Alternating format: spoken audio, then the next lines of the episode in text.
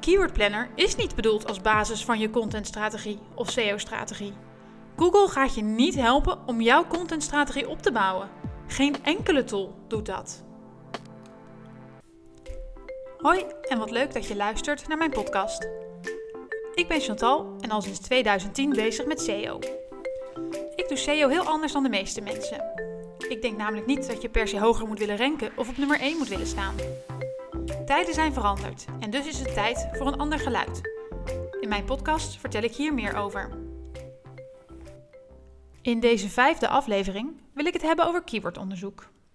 Ik denk dat het een van de meest gestelde vragen is die mensen hebben als ze beginnen met SEO. Hoe doe ik keywordonderzoek en welke tools zijn het beste? Als je mijn eerste vier podcasts hebt geluisterd, zal het je wellicht niet meer verbazen dat ik denk dat keywordonderzoek niet het startpunt is van een goede contentstrategie voor SEO. En in de meeste gevallen zelfs zonde van je tijd. Ik heb denk ik zes goede redenen hiervoor. Ik zal ze stuk voor stuk kort met je doorlopen. De eerste reden is dat keywordonderzoek maar zelden tot nieuwe inzichten leidt. Als ik keywordonderzoek doe, gebruik ik altijd de keyword planner van Google. Er is namelijk maar één partij in de markt die weet wat het zoekvolume is. En dat is Google zelf. Als je hun keyword planner gebruikt, dan weet je ook dat wat je terugkrijgt vaak maar weinig verrassend is. De tool blijft heel erg binnen een bepaalde bandbreedte van wat je hebt ingevoerd. Je krijgt dus vooral de door jezelf ingevoerde keywords terug, aangevuld met een aantal logische termen. Een voorbeeld. Ga zelf eens in de Keyword Planner op zoek naar zoekwoorden rondom loopbaancoach en loopbaanbegeleiding. Je zult zien dat je terugkrijgt coach loopbaanbegeleiding, coach carrière, loopbaanbegeleider, loopbaanbegeleiding kosten, wat is loopbaanbegeleiding, online loopbaanbegeleiding en dat soort termen. En zeg nou zelf, dit had je toch ook zonder de Keyword Planner wel kunnen bedenken? De keren dat de Keyword Planner mij verraste door met een zoekwoord te komen dat ik zelf niet had kunnen bedenken, kan ik op één hand tellen. Het gaat dan meestal om een synoniem waarvan ik niet wist dat het bestond. Dat je weinig vernieuwends te zien krijgt, geldt trouwens ook voor andere keyword tools. Op mijn website heb ik onlangs een blog geschreven over keywordonderzoek, met allemaal voorbeelden uit de diverse tools, zoals de Keyword Planner, Ubersuggest en keywordtool.io. Je zult in de voorbeelden zien die ik geef dat het eigenlijk ronduit teleurstellend is als je hoopt inspiratie te krijgen uit keyword tools. De tweede reden is dat een keyword vaak heel weinig zegt over de informatiebehoeften van je klant. Want wat zoekt iemand die dameschoenen zoekt? Of iemand die zoekt op laptop? Met dit soort keywords target je de massa en je tas in het duister over wat de klant precies van je wil. Je weet ook niet hoe ver de klant is in het oriëntatieproces. Het is alleen heel erg lastig om op deze keywords te ranken. En je weet dan ook nog niet hoe groot de kans op conversie is. Een interessantere zoekopdracht lijkt mij: welke laptop voor school? Of zwarte laarzen, suède met lage hak. En inderdaad, daar zit minder zoekvolume op. Maar als iemand jouw website vindt, is het natuurlijk een grote kans dat het een voltreffer is en er geconverteerd wordt. Het nadeel: dit soort zoekopdrachten haal je uit geen enkele tool. Zelfs een tool als Answer the Public vind ik trouwens tekortschieten. Die pakt in de meeste gevallen vooral het door jou ingevoerde keyword en zet wie, wat, waar, wanneer, waarom en hoe ervoor. Dat had je vaak ook zelf al kunnen bedenken. Eigenlijk kijken alle tools die ik ken alleen maar naar keywords en houden ze geen rekening met longtailzoekopdrachten. Laat staan de echte zoekvraag van de gebruiker. Gebruik ze daar dus ook niet voor. De derde reden is dat alle tools openbaar zijn, zelfs als je een abonnement afsluit. Iedereen heeft toegang tot die ene tool en beschikt dus over dezelfde informatie als jij. Dat betekent maar één ding. Het wordt met z'n allen vechten om de topposities op dat ene keyword met het meeste zoekvolume. En vergeet niet dat ook de SEA-afdeling meedoet op die termen. Dat belooft een hoop concurrentie in de top van Google. De vierde reden is dat als je een goede pagina maakt die aansluit op de informatiebehoeften van je klant en echt relevant is, je van nature al een hele lading aan goede zoektermen zal gebruiken. Want aan een natuurlijke tekst die echt over een onderwerp gaat en echt waarde toevoegt, hoef je weinig meer te schaven.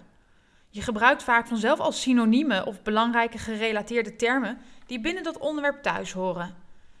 Ik zou je dan ook willen uitdagen om eens een goede pagina te schrijven over een specifieke vraag van jouw klant. En daarna, dus achteraf, in de keyword tools te kijken welke keywords je vergeten bent.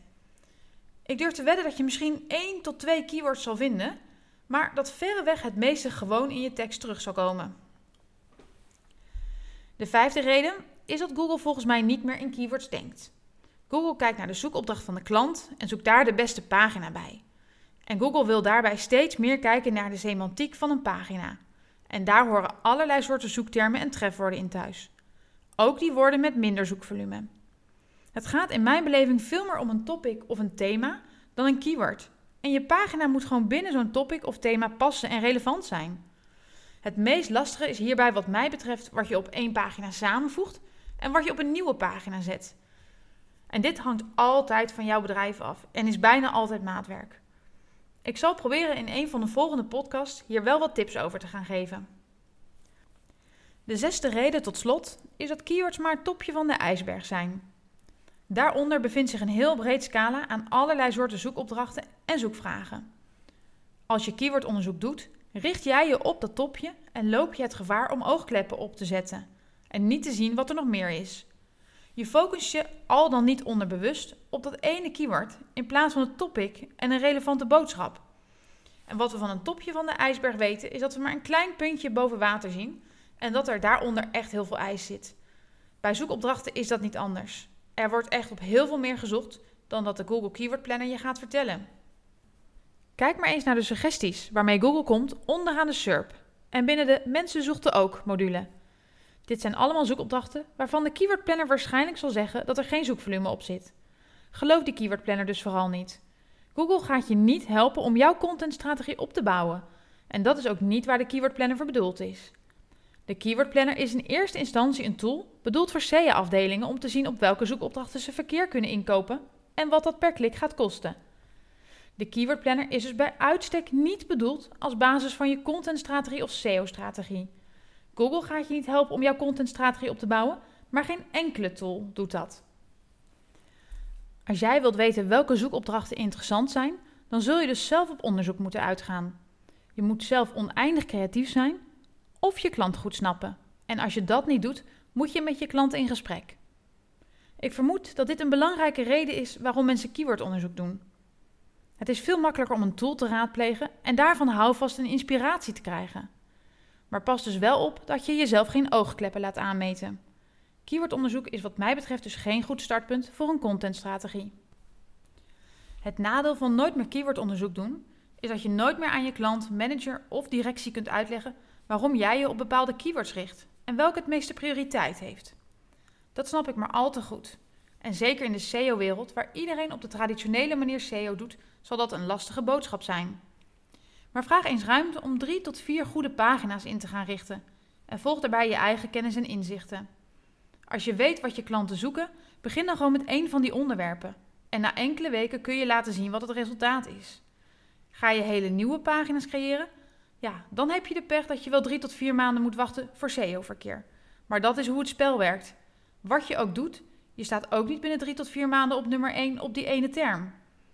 En ik denk dat dat laatst nog heel veel meer tijd kost. Dan heb je hiermee echt een goede alternatieve manier te pakken. Doe ik dan helemaal nooit meer keywordonderzoek? Nee, ik zit echt nog wel eens in de keyword planner, maar vaak niet langer dan 5 minuten. Ik kijk even of mensen vaker het woord thermosfles of thermosbeker gebruiken. Of bijvoorbeeld het woord keywordonderzoek of trefwoordonderzoek. En daar houd ik rekening mee bij het opstellen van mijn productnamen, title tags, meta descriptions en headings. Maar ik gebruik het dus nooit om onderwerpen te bedenken voor mijn blogs of voor de inhoud van een pagina. De input daarvoor is altijd de beoogde klant. Mijn tip is dus: maak keywordonderzoek niet groter dan het is. Prima als je iets wilt checken of als je houvast zoekt. Maar als je een natuurlijke, goede tekst schrijft die aansluit bij de informatiebehoeften van je klant, dan heb je in de meeste gevallen al zoveel goede termen gebruikt. Gebruik keywordonderzoek daarvoor en dus niet om het fundament van je contentstrategie te leggen.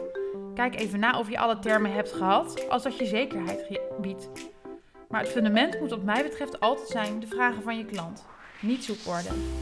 In een van mijn volgende podcasts zal ik hier meer over vertellen. Wil jij niks missen? Volg me dan op Instagram. Je vindt me onder Chantal Smink NL.